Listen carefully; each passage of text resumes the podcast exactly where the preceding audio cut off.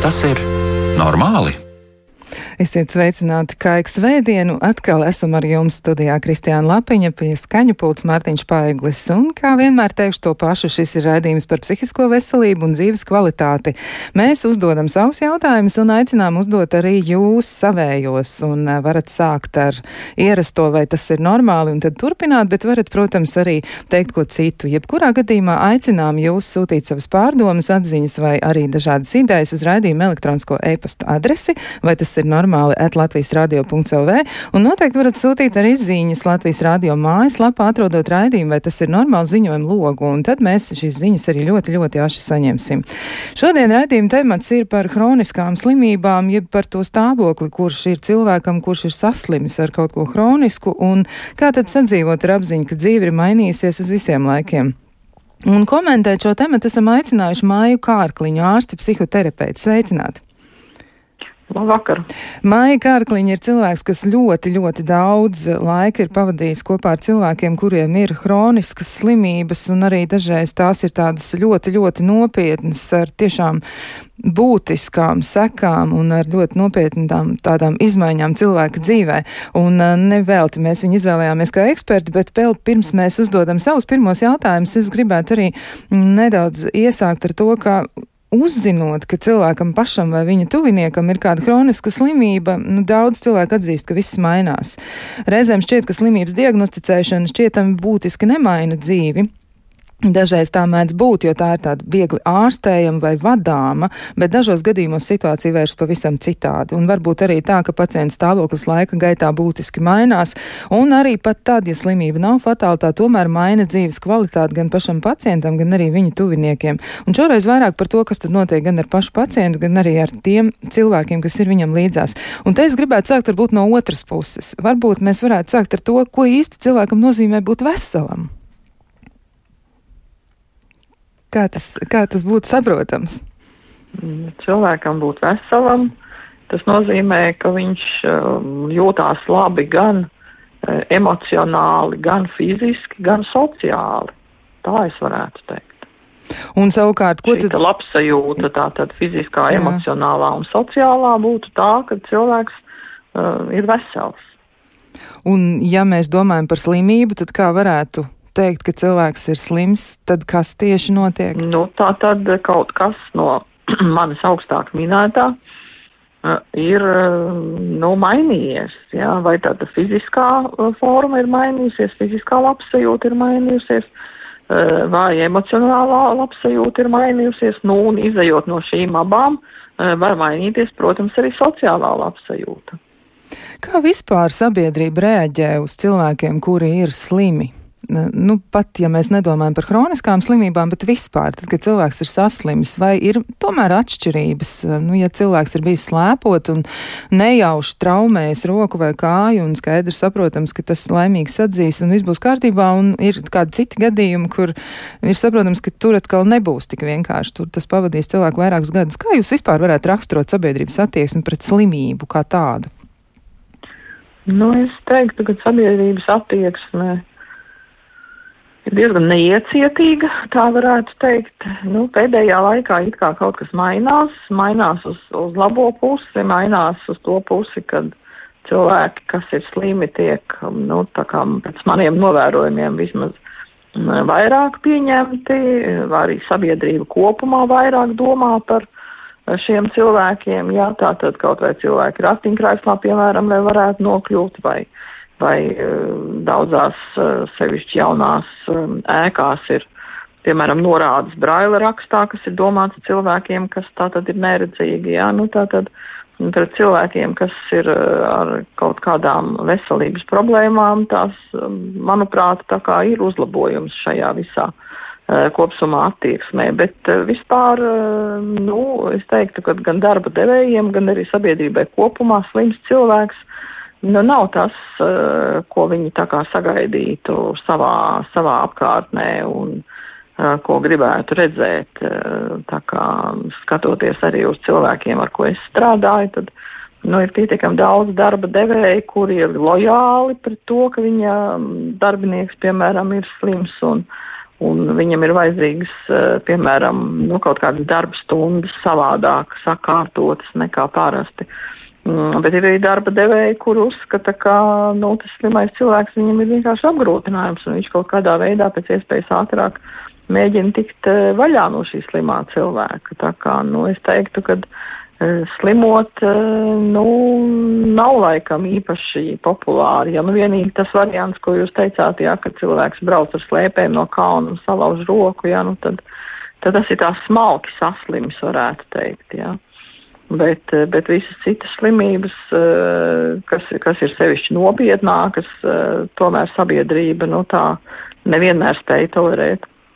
Bet tas tomēr ir savādi no vienas puses raugoties, jo m, mm, ir taču tā, ka mēs dzīvojam ilgāk, un vismaz sabiedrībā nu, mēs arī varam atrast pietiekam daudz cilvēkus, kur nodzīvojuši diezgan garu mūžu, un arī viņiem ir kāda kaita, un, un ir arī tā, ka nu, tas nav vakardienas stāsts, tas ir kas tāds, kas ir jau gadiem ilgi, un tomēr šie cilvēki dzīvo, un, un tomēr viņiem būtu jādzīvo arī kvalitatīvi dzīvi, un tas nav tikai par cilvēkiem nopietnā brieduma vecumā, bet tas ir arī reizēm par jaunākiem cilvēkiem, tad kas varētu mainīt sabiedrības attieksmi kopumā pret to, ka slimība taču kaut kādā nozīmē ir arī dzīves daļa?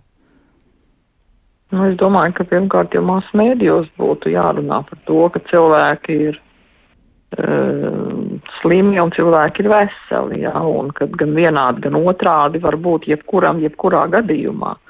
Jo šobrīd tā situācija ir tāda, ka nu, tā veselā daļa reizēm pilnīgi nesaprot to slimo daļu un pat rodās reizēm tāds priekšstats, ka, nu, ka viņiem liekas, ka viņi tā kā nevar būt slimi, bet kā mēs saprotam, tad jebkurš cilvēks var saslimt un, un tas var notikt ar jebkuru, jā, un garantijas tam nav absolūti nekādas, ne jaunā vecumā, ne arī jau zināmā tādā padzīvojušā vecumā. Varbūt tas ir arī saistīts ar to, ka slimu cilvēku nu, gandrīz vai noslēpj reizēm no sabiedrības acīm. Kā tas ir? Vai arī viņš pats noslēpjās? Vai viņš pats noslēpjās? Nu, lūk, un te tad nākamais jautājums, kā ir ar cilvēku, tad, kad viņš uzzina, ka viņam ir slimība, un varbūt jūs varat balstoties uz savu pieredzi arī raksturot šos dažādos stāvokļus, ko cilvēki piedzīvo, jo vai diagnozes noskaidrošana, vai arī tas, ka cilvēks uzzina, ka viņam ir slimība un tagad nu, tas būs viņa, viņa dzīvē, kas notiek ar viņu tajā brīdī?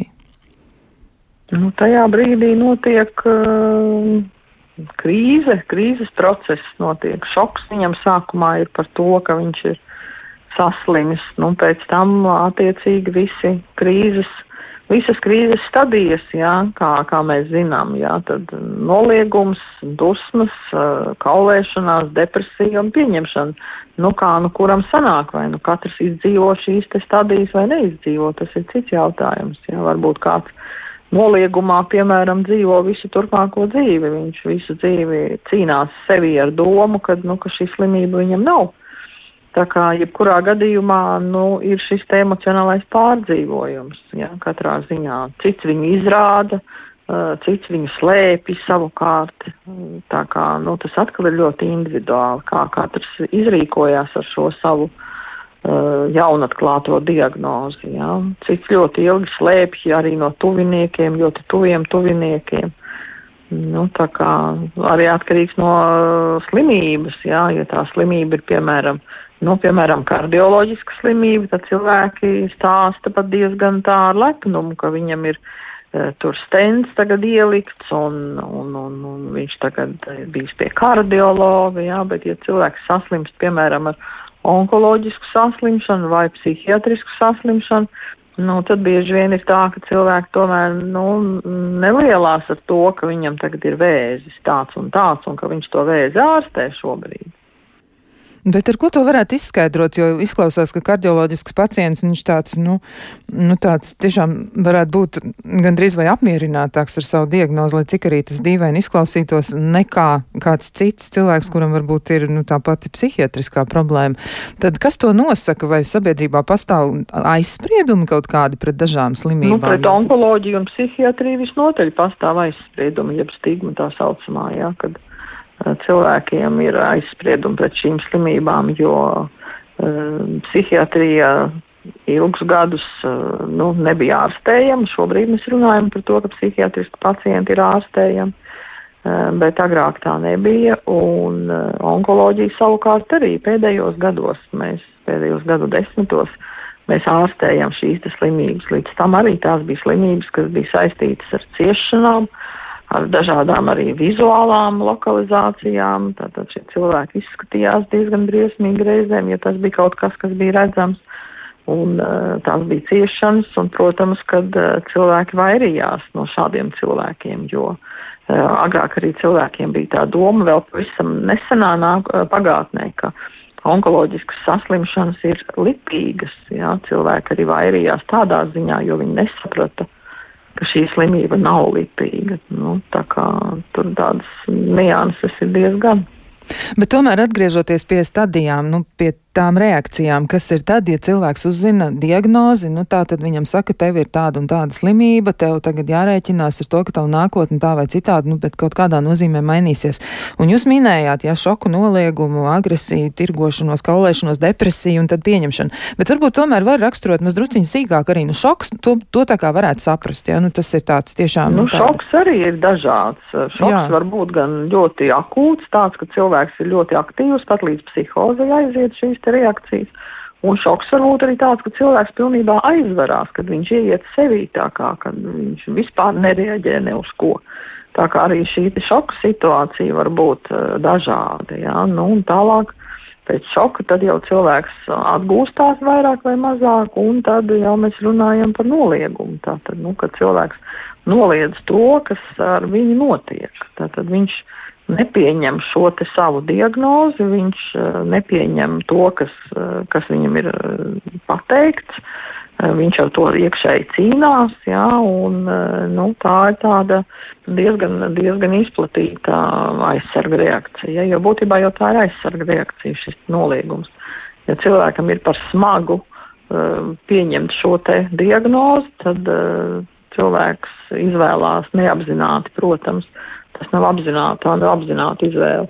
Tā ir neapzināta izvēle. Viņš izvēlās tātad šo te noliegumu paslēpties, var teikt, no šīs te, no šīs te slimības. Jā, nu nākamais ir dusmas, kad cilvēkam ir dusmas uz, uz visu, uz visu, ko cilvēki dusmojās, uz sevi dusmojās, uz citiem cilvēkiem dusmojās, uz sabiedrību, reizēm dusmojās uz Dievu, reizēm uz paši uz sevi par to, ka viņi ir, nu, kaut ko izdarījuši, gluži otrādi kaut ko nav izdarījuši. Ja, tā kā nu, tur daudz dažādas reakcijas ir. Bieži vien uz ārstiem dusmojās, uz mediķiem. Ja, mediķi bieži vien ir tie, kas, kas saņem šīs dusmu reakcijas, lai gan tā reakcija jau būtībā ir par situāciju. Viņa nav uh, pret kādu konkrēti, viņa ir par situāciju kopumā.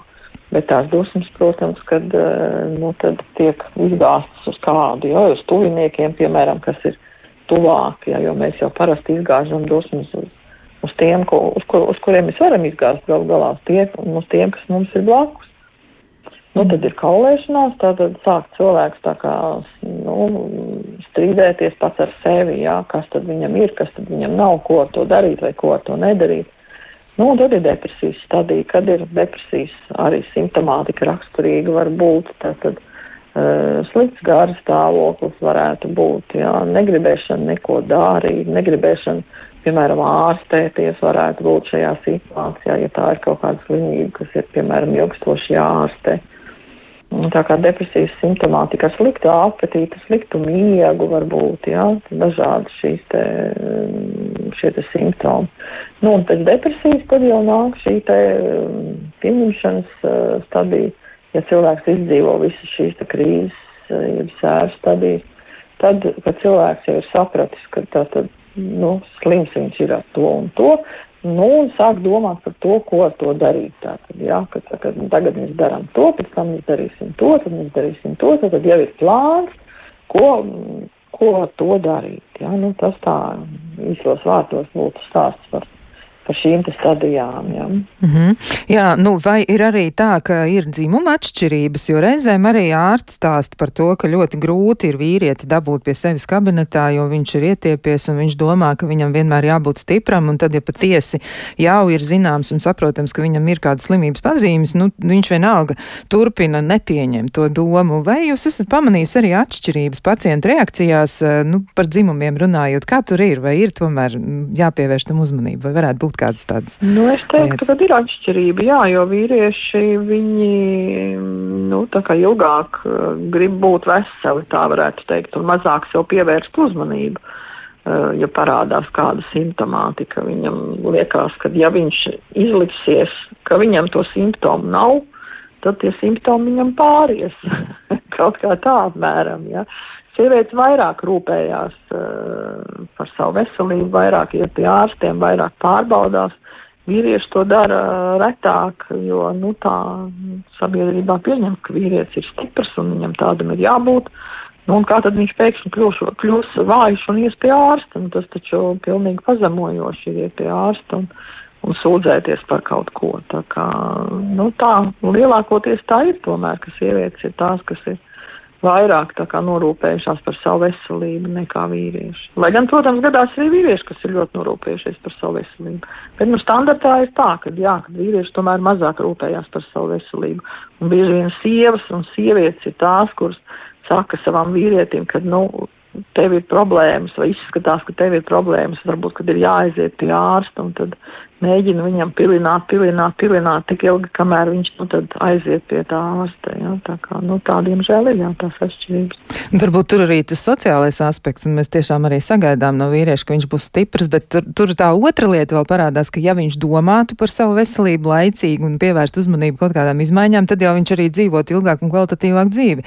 Bet vai gadījumā mēs paši neradām to pretrunu, mēs no viņa pieprasām, lai viņš ir spēcīgs un stiprs, un tad viņa apziņā varbūt izveidojas tā ideja par to, ka, ja es atzīstu, ka esmu slims, tad atzīstu arī vienlaikus, ka esmu vājš. Kā, kā jums izskatās? Nu, es domāju, ka tas jau tā vēsturiski ir izveidojies, ka tā tāda būtībā tāda sociāla, sociāla doma, jā, kad, kad vīrietim ir jābūt stipram un, un sabiedrība kopumā tā domā jau, jau, jau pietiekami sen un šo, šobrīd vēl joprojām tā domā, jā, tā kā tas nav tikai tikai tā šā brīža tāds uh, variants, ja, bet tas jau nāk mums vēsturiski līdzi, ja, tātad šī tā doma ir, doma nāk no veciem laikiem, kad, uh, nu jā, kad uh, lielākā daļa cilvēku dzīves bija atkarīga no fiziskas varēšanas un kad bija šī dabiskā izlase ļoti izteikti, ja, šobrīd jau uh, mēs dzīvojam salīdzinoši labi un dzīvildze ir, ir, ir, ir gara un cilvēki dzīvo nu, diezgan labā kvalitātē. Nu, lai gan tā kvalitāte, protams, bieži no pašiem ir atkarīga, kā mēs to kvalitāti sev radam. Bet katrā ziņā es teiktu, jā, ka tas ir tāds uh, sociāls vēsturisks fenomens, kas nāk mums līdzi, ka uh, ka vīrieši ir eh, tādi, kas ir stipri un kas nesūdzās ne par ko, un, un sievietes savukārt tās drīkst būt vājas un tās drīkst būt sūdzēties par, par kaut ko. Drīkst kaut ko sacīt, ja, kā viņas jūtās. Jā, vēl arī jautājums par to, vai ir kādi īpaši nosacījumi, kas liek vēl asāk reaģēt uz to, ka cilvēkam saka, nu, re, tagad ir tāds brīdis, tev ir, tev ir konstatēta slimība, vai ir kaut kas, kas varētu būt fonā, nu, piemēram, tāds ilgstošs nogurums vai ļoti augsta stresa pakāpe. Varbūt jūs novērojam arī arī liecina par kaut ko, kad ir tā, nu, smagāk cilvēkam to dzirdēt? Nu, es nevarētu teikt, ka ir kaut kādi tādi konkrēti momenti. Es varētu teikt, ka tur tad varētu būt kaut kādas um, um, nu, psihiskas, emocionālas problēmas, kas cilvēkam jau ir. Tas varētu būt viens, vai arī kaut kādas sociālas problēmas, kas viņam jau ir. Tā, tad tās arī varētu būt tās, kas varētu izsaukt, eh, nu, varbūt asāku to reakciju, ja, jo situācijas jau ir dažādas, gan, gan psihoemocionāli, gan sociāli cilvēki jūtās dažādi un atrodas dažādās, dažādās arī sociālajās vietās. Tā kā tur tas, tas varētu nu, spēlēt kaut kādu lomu kopumā. Bet eh, pamatā jau tomēr eh, mēs runājam par to, kā katrs cilvēks individuāli reaģē uz kaut kādu stresu. Eh, arī uz šādu te saslimšanu kā stresoru šī gadījumā, jo mm, nav jau tik svarīgs, kā mēs zinām, stresors vai stresora lielums, bet ir svarīgi, kā cilvēks rēģē. Tātad kāda ir viņa šī spēja rēģēt, kādu viņš ir ieguvis dzīves laikā šo spēju rēģēt uz stresu. Un ja viņam ir šis stresa tolerance tāda, ka viņš ļoti reaģē, jā, nu, tad viņš arī reaģēs ļoti uz, uz dažādām stresa situācijām, tajā skaitā arī uz slimībām. Nu, un kas tad notiek tālāk, ja cilvēks uzzina savu diagnozi un uh, nu, tas nav nekas iepriecinošs, ļoti nopietna slimība, tiešām, nu, varbūt nav fatāla, bet, nu, tomēr dzīves kvalitāti ilgtermiņā noteikti ietekmēs. Nu, kas tālāk varētu notikt ar viņu pašu, jo viena lieta tā tad iziet cauri šīm dažādajām uh, reakcijām un stadijām, bet vai varētu arī vēl kaut kas attīstīties, nu, kaut vai tā pati depresija, varbūt, tā arī tomēr var būt vēl viena lieta, kas pievienojas. Kā notiek tālāk lietas? Nu, tur var būt ļoti dažādas tās situācijas. Pirmkārt, jau var būt tā, ka viņš šeit krīzes situācijā nemaz neiziet cauri, ka viņš tur kaut kur paliek šajā krīzes situācijā.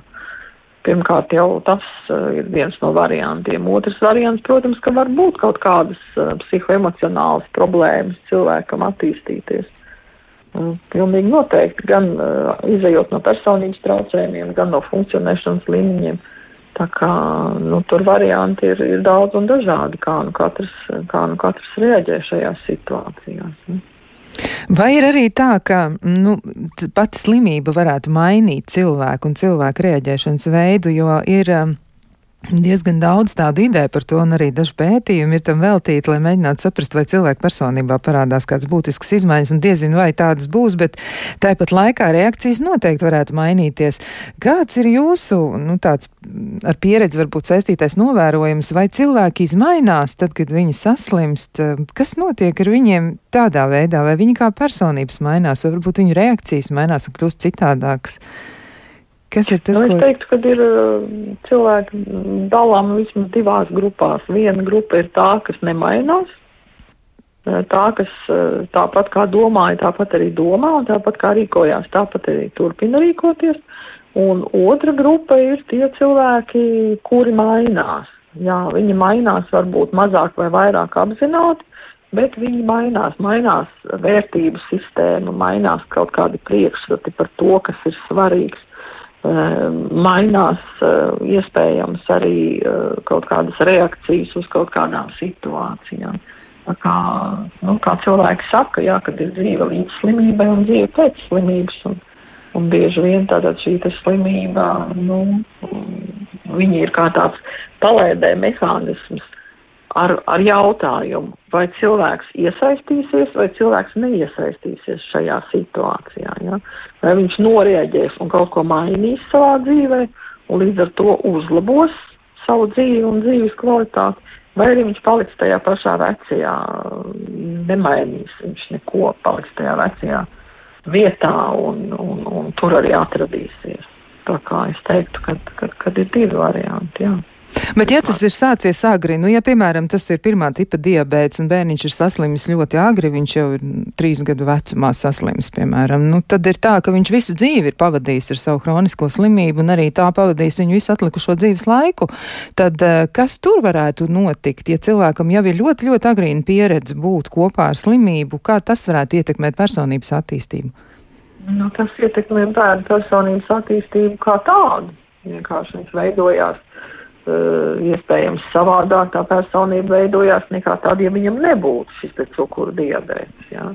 Bet, nu, to ir tā grūti, grūti teikt. Tur tad ir uh, ļoti, nezinu, ļoti smalki jāpēta un, un, un, un nu, es nezinu, tādus mazus bērnus grūti, grūti izpētīt um, tādā labā, labā līmenī, teiksim tā, jā.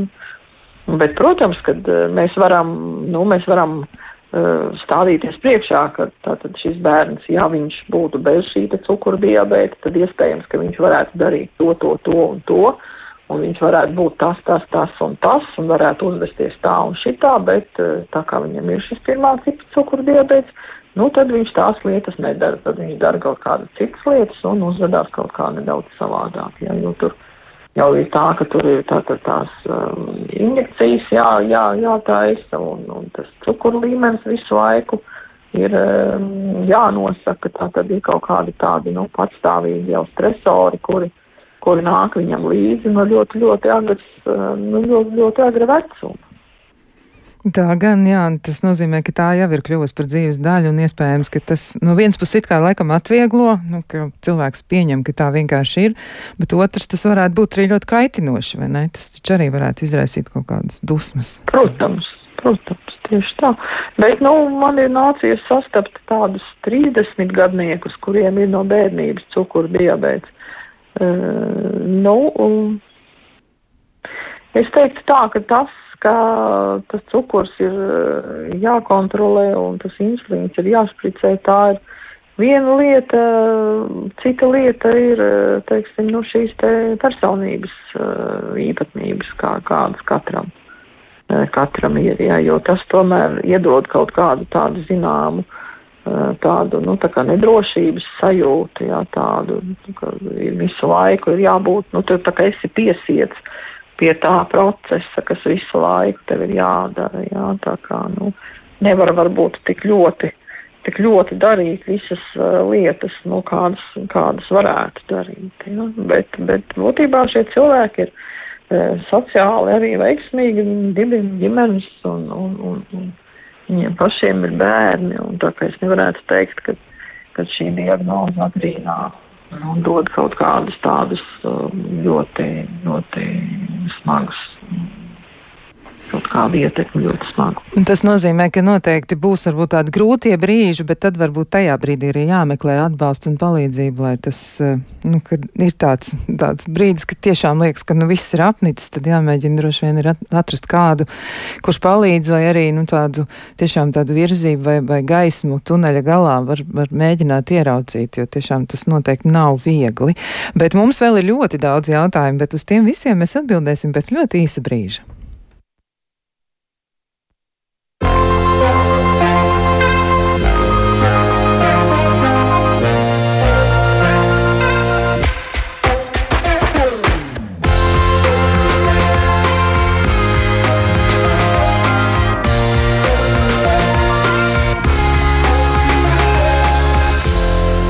Vai tas ir normāli?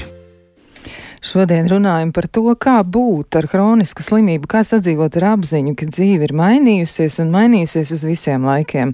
Un esam aicinājuši sarunā piedalīties Māju Kārkliņu, ārsti psihoterapeiti ar ļoti, ļoti lielu pieredzi tieši šajā jomā strādājot. Un savukārt klausītājiem, pirms mēs turpinām mūsu sarunu, gribu atgādināt, ka jūs varat uh, iesūtīt jūsu jautājumus e-pastā, vai tas ir normāli Latvijas radio.lv, un noteikti varat izmantot arī ziņojumu logu Latvijas radio mājaslapā, un uh, varat varbūt arī arī dalīties ar savu pieredzi, ja kādam no jums ir hroniska kaita.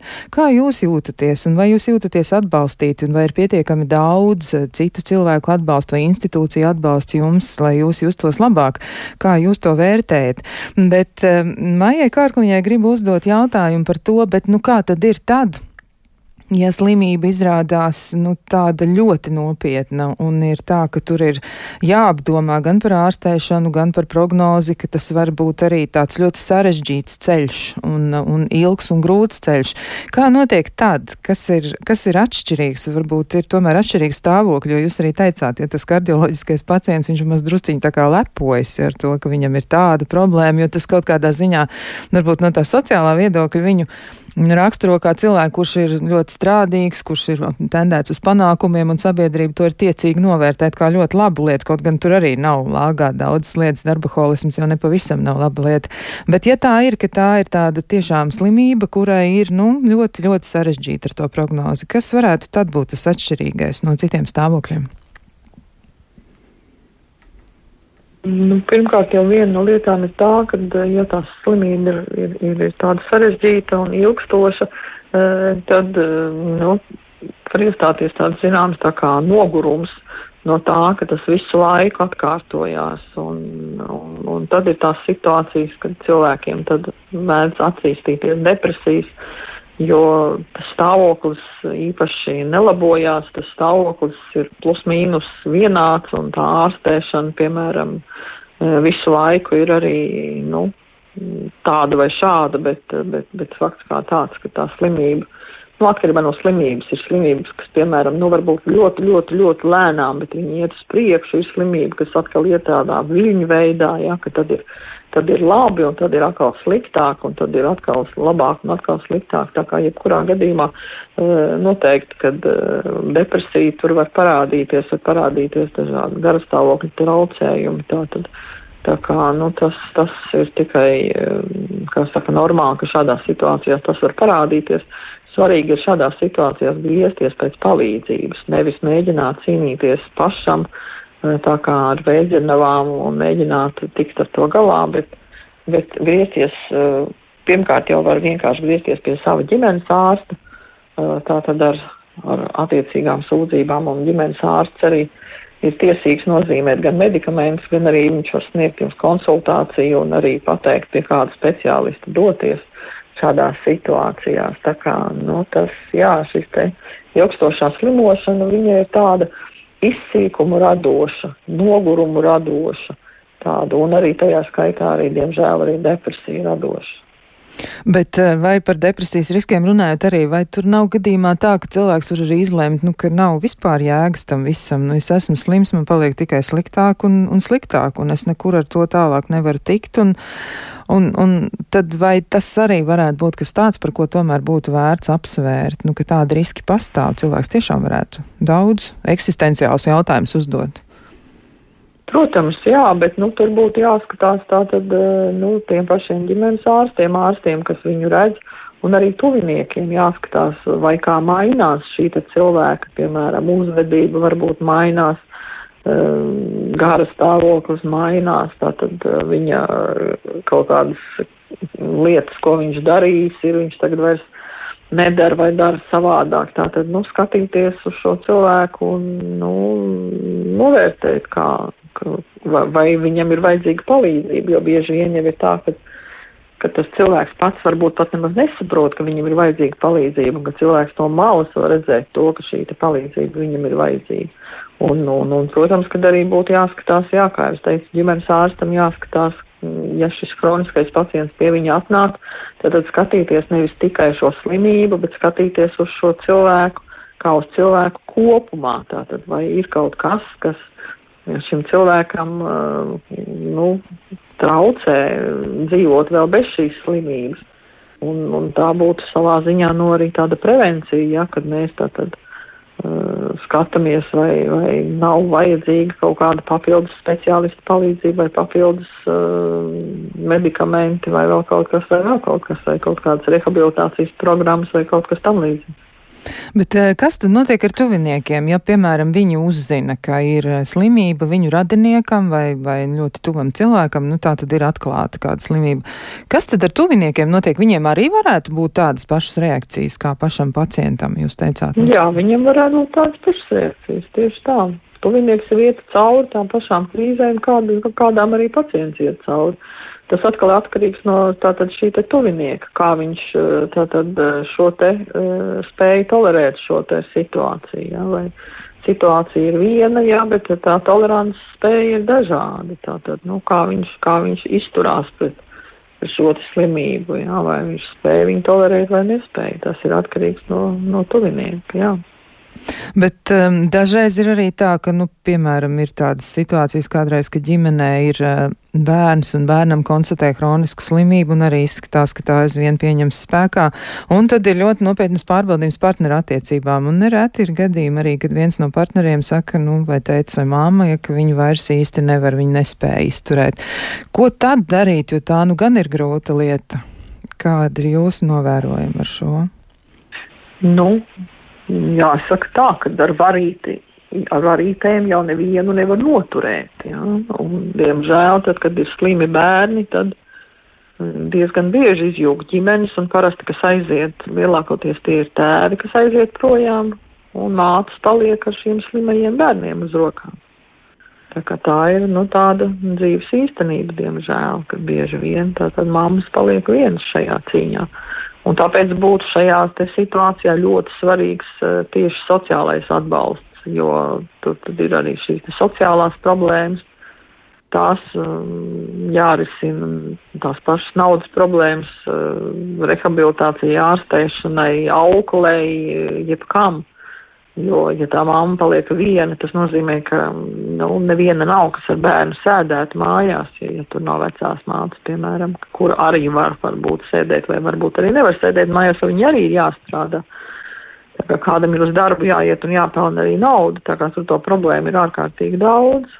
Un, jā, nu, diemžēl, jā, bet tā es atceros, lasīju kaut kur literatūrā, ka Uh, ir divas diagnozes, pie kurām uh, tā tā kopdzīve vairāk ir, ir tomēr saglabājās. Um, tās ir problēmas ar redzi un problēmas ar dzirdi. Kad tajā pie šīm diagnozēm tā kā ģimenes ir stabilāks, bet pie visām pārējām diagnozēm ģimenes bieži vien kļūst nestabils un, un, un tēvs aiziet no ģimenes.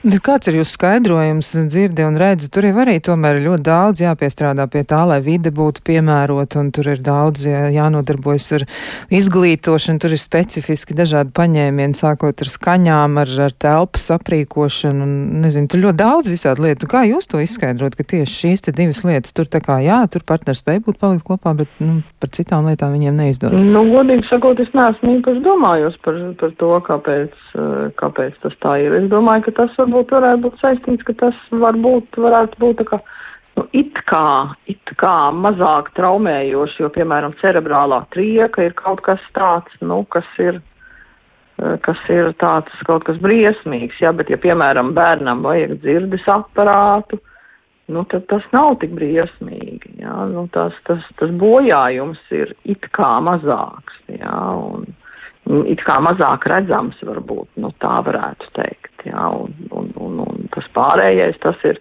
nu, tie paši, piemēram, bērna Dauna sindromi, jā, tas ir kaut kas, kas ir redzams.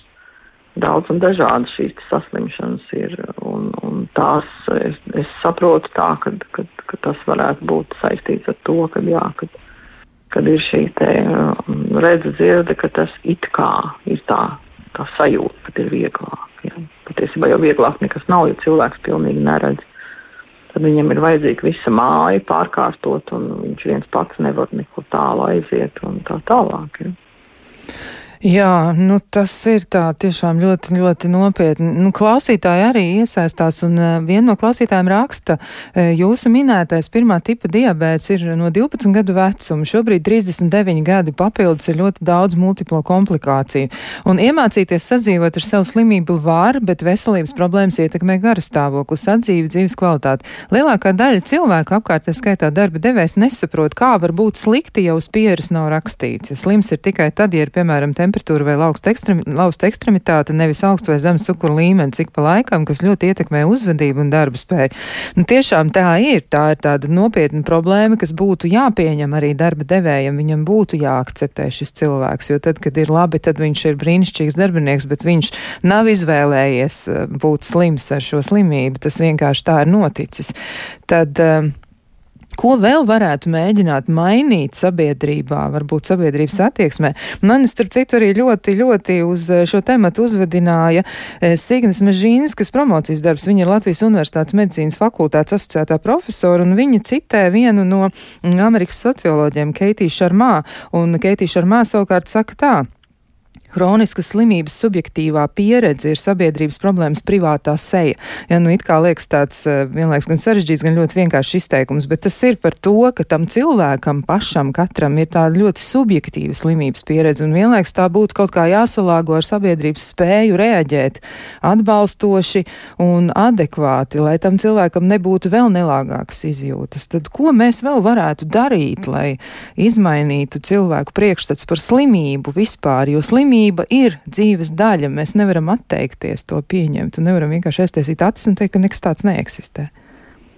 Un pirmkārt, jau būtu šie cilvēki jāintegrē sabiedrībā, skolā, bērndārsā, sabiedrībā kopumā.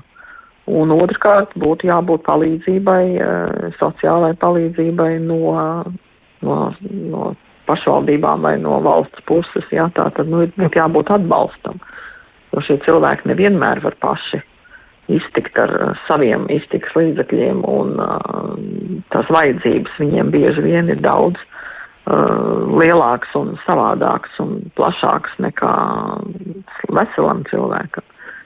Bet, uh, bet uh, pirmais noteikti ir integrācija. Tātad, nu, lai, lai uh, bērni, kuri ir uh, ar kaut kādām saslimšanām, lai viņi iet parastā skolā, uh, lai parastā skolā bērniem ir nu, šie te klases biedri, kas no, no vienas puses viņi ir slimi, bet no otras puses viņi ir tādi paši kā citi bērni, un viņi var iet un mācīties, un viņi var iet darboties, un tad, ja mēs redzam kaut ko tādu sev blakus, tad mēs to pieņemam kā normu, bet ja mēs to blakus sev neredzam, un ja mēs to ieraugam tikai pēc kāda laika, un tad mēs esam ļoti izbrīnīti un varbūt pārbijušies reizēm un nesaprotam, ko ar to darīt, jo tas ir kaut kas, kas mums ir svešs. Mēs neesam bijuši pazīstami ar tādām lietām.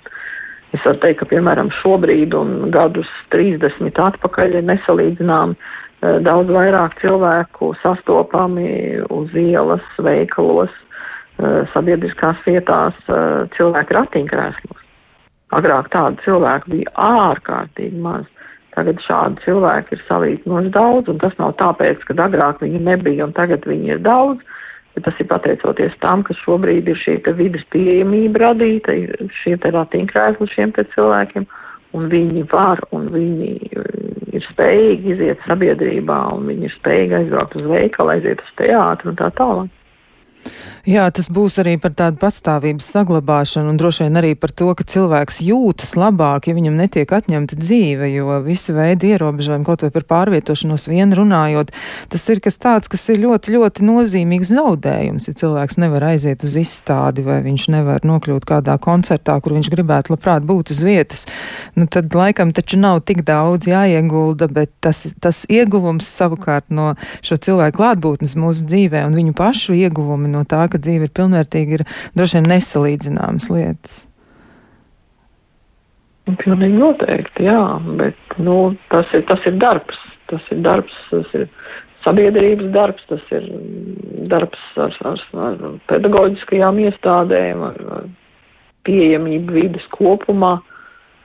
Tas ir darbs ar to, lai šiem cilvēkiem būtu šie ratiņkrēsli, piemēram, vai būtu šīs te protēzes, Tātad, lai būtu nu, šī pieejamība, lai viņš var kustēties, lai viņš var iziet no mājas, nevis, nevis ka viņam ir jāgaida gadiem rindā uz kaut ko, jā, bet kad, tad, kad ir vajadzība, tad, tad, tad viņš arī saņem šo palīdzību, jā, kaut vai elementāru ratiņkrēsli, piemēram. Viņš nav ilgi jāgaida. Jā, nu vēl man gribētos uzdot arī jautājumu, tomēr ir arī ļoti, ļoti sarežģīti mirkļi dzīvē un ir ļoti grūtas situācijas. Un ko tad, ja noskaidrojas, ka slimība tomēr ir fatāla un ka nav ļoti daudz laika cilvēkam? Kas ir tad? Kā, kā tad tas notiek un kā reaģē viņš un vai ir atšķirības arī tuvinieku reakcijās? Vai tur arī nav kaut kas tāds, kas ir, nu arī tāds ļoti dzīves pārdomas, cilvēks arī tad varētu rīkoties vai domāt kaut kā? Atšķirīgi nekā tad, kad viss bija kārtībā?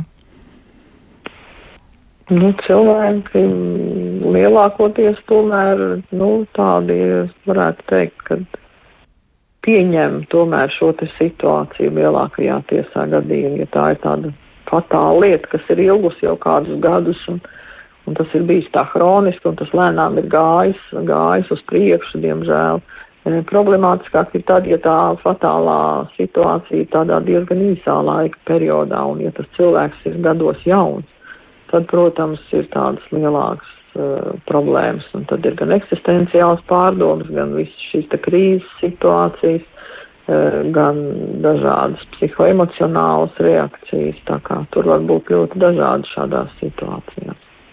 Jā, nu vai varētu arī palīdzēt tas, ka cilvēki nu, mēģina atrast kādu kopienas daļu, kur varbūt ir vēl kādi citi cilvēki ar savu pieredzi. Jo no vienas puses eh, būtu arī bez tās integrācijas droši vien būtu arī vērtīgi uzzināt, kā ir klājies citiem cilvēkiem vai kā viņi tiek galā ar šīm lietām. Kā jūs raugāties uz tādu tā kā pašpalīdzības grupu? Noteikti, jā, tā ir, tā ir ļoti laba lieta un, un, un, un šobrīd. Uh, Es zinu vienu konkrētu vietu, kur tiek, nu, gan laikam šobrīd Zoom formātā notiek šī tikšanās sakarā ar Covid viņas laikam nav pagaidām atjaunotas uh, dzīvējā, bet uh, ne, nevalstiskā organizācija dzīvības koks tātad organizē atbalsta grupas onkoloģiskiem pacientiem. Tātad, nu, ja mēs runājam tieši konkrēti par onkoloģiju, un uh, tur ir šī iespēja cilvēkiem satikties savā starpā un, un komunicēt, un ir arī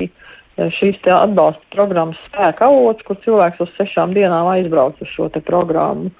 Un tur viņš komunicē ar tādiem pašiem cilvēkiem kā viņš, kas iedod viņam uh, jaunus draugus, jaunas paziņas, uh, kas uh, iedod iespēju padalīties pieredzē, kā viņš ir. Viens ir ārstējies, un kā otrs ir ārstējies, un kā viens ir juties, un kā otrs ir juties. Tā ir milzīga tāda pieredzes apmaiņa, nerunājot par šo programmu, ko viņi iedod um, šajā te pasniedzēja līmenī, bet es domāju, tīri tādā komunikācijas līmenī. Ja? Tā kā tas ir tās, nu, šobrīd ir tādas onkoloģiskiem pacientiem divas iespējas pieejamas. Nu, tā tad noteikti to vajag izmantot, bet arī citiem pacientiem taču ir iespēja meklēt arī dombiedrus. Nu, kaut vai kāds sirgst ar migrēnu, tā, man liekas, arī ir tāda briesmīga lieta, galva sāp un, un ir ļoti grūti un, un ir dažādi stāvokļi. Un reizēm cilvēks saka, viņš pilnīgi zaudē darba spējas, un tur arī ir tā, ka, nu, tas pavada viņu gadiem ilgi. Un reizēm nu, tas jā. ir visas dzīves. Jā. Nu, tur ir jāskatās internetā droši vien pēc šīm atbalsta grupām, jo tās atbalsta grupas jau viņas parasti tiek veidotas pēc tomēr pēc uh, saslimšanām, jā, ir, teiksim, tur cilvēki ar locītavu slimībām, piemēram, es zinu nevalstisko organizāciju, kas ir tātad locītavu pacientiem, ir, ir, ir plaušu pacientiem, nevalstiska organizācija, kas, kas arī droši vien, kad arī šobrīd rīko dažādas kaut kādas nezinu, grupas vai, vai pasākumus vai pieredzes apmaiņas. Tā kā tur ir jāskatās, es tā neesmu tik smalki informēta, bet es domāju, ka noteikti ir, jo šobrīd jau cilvēki kļūst ar vien tomēr, nu, tādi sociālāki tādā ziņā, kad, kad, kad nebaidās kaut kādas grupas veidot šobrīd tieši interneta, interneta vidē, es domāju, tur, tur varētu paskatīties dažādām slimībām. Tā tad noteikti tas, un arī tuvinieki gan jau, ka var iegūt arī vairāk informācijas par to, ko un kā, kā palīdzēt tam savam tuviniekam, kuram ir uh, slimība, protams, jo tas jau protams, ja. arī nav mums, nu, nav tik vienkārši ar to visu būt attiecībās, un arī tā informācija noteikti mums ir nepieciešama. Bet, um, nu, ja mēs domājam vispār par tādu, varbūt, nezinu, paradigmas maiņu, varbūt nosauksim to tā, nu, tiešām atsaucoties arī uz klausītājs pieminēto novērojumi par to, ka, nu, tad, ja tas nav uz pieres uzrakstīts, tad ir ļoti grūti ar to būt attiecībās. Vai ir kaut kāds ceļš, kā mainīt to, ka mēs spējam uztvert fiziskas problēmas, kuras ir pamanāmas un, kā mums liekas, ātri atrisināmas, un, un mums ir tendence nenovērtēt, nepamanīt vai noraidīt reizēm arī tādas, nu, psihiskas stāvokļus, jo, man liekas, ir tiešām ļoti liela atšķirība, vai cilvēks atnāk uz biroju un saka, ka viņš ir salauzis roku slēpojot, vai viņš atnāk uz biroju un saka, ka viņam liekas, ka, nu, nu dzīvē nav nav viss gluži tā kā vajag, un ka viņam ir ļoti daudz tādu drūmu domu, kas eh, ir pat biedējošas. Nu, un mēs tad varam arī ļoti vērot dažādas atšķirīgas reakcijas. Nu, ko mēs varētu mēģināt izdarīt eh, šajā te laukā? Nu, lai... Es domāju, ka šajā, šajā neredzamajā vidē, tā sacīt, jāsaka, jā, ir, eh, tā ir sabiedrības izglītošana. Vienu brīdi bija pieturās plakāti par depresiju, cik es atceros kaut kādu brīdi atpakaļ. Šobrīd man liekas, ka nav vairāk. Tā kā izglītot sabiedrību par to, ka ir lietas, kuras nevar redzēt, bet kuras pastāv. Jo cilvēki jau ir dažādi un darba devējs droši vien bieži skatās vispār ar domu, ka vai tik tas darba ņēmējs gadījumā nešmaucās. Un viņš nesēž mājās vienkārši tāpat, nevis, uh, ka viņš ir slims, jā, tā tad, nu, kaut kāda tāda neticība cilvēkiem, jā, bet, nu, tā ir radusies atkal droši viena pieredze kaut kādu negatīvu. Bet tā kopsumā es domāju, ka jā, par šīm neredzamajām lietām ir vienkārši jārunā, jāinformē pacienti par to jāizglīto, ka ir tādas diagnozes, ir tādas diagnozes. Mm, plakāts cilvēkam rokā nav, bet tas nenozīmē, ka viņš jūtās labi. Tas nozīmē, ka viņam ir kāda no šīm te iespējams šīm te diagnozēm. Vai nu tā ir depresija, vai tas ir cukuru diabēta, vai tā ir vēl kaut kāda cita saslimšana. Jā, nu tas ir tā, mēs skatāmies uz cilvēku un redzam, ka ir rokas kājas vietā, ja, un liekas, ka tur viss ir kārtībā, bet laikam tomēr ir jāpatur prātā, ka daudz, kas varbūt citādi un nepavisam var arī nebūt tā, kā izskatās, un šoreiz šo izteicienu mēs varam attiecināt arī uz uh, slimības klātbūtni. Nu, ja jums būtu jāpasaka vienā teikumā, kas ir tas, kas jūsuprāt ir visiedarbīgākais tajos grūtajos brīžos, kad cilvēks ir noguris un kad tuvinieki ir noguruši un kad cilvēkam pašam liekas, nu, ka vairs jau nevar, nu, cik tad, nu, apnicis, ja? Ko jūs teiktu, kas labi darbojas, kas palīdz? Dalīties ar, tavā, ar savām sajūtām, ar savām jūtām, dalīties ar tuviniekiem, ar speciālistiem, Tātad. padalīties. Jo vienam ir ļoti grūti, bet tad, kad cilvēks padalās, tad viņam kļūst šī nasta mazāka. Jā, tas ir labs ieteikums. Nu, Jā, to noteikti arī tad jāmēģina izmantot. Paldies Maijai Kārkliņai, ārstei psihoterapeitei, un paldies arī klausītājiem, kur iesaistījās, un no savas puses noteikti var novēlēt, eh, mēģiniet, mēģiniet atrast kādu, kam pastāstīt, kā jūs jūtaties. Noteikti ar to vien jau būs mazliet vieglāk. Lai jums jauks vakars, un mēs ar jums tiksimies kādā citā reizē, un tad jau atkal runāsim par citiem tematiem, lai jums labi klājas un lai visiem veselība.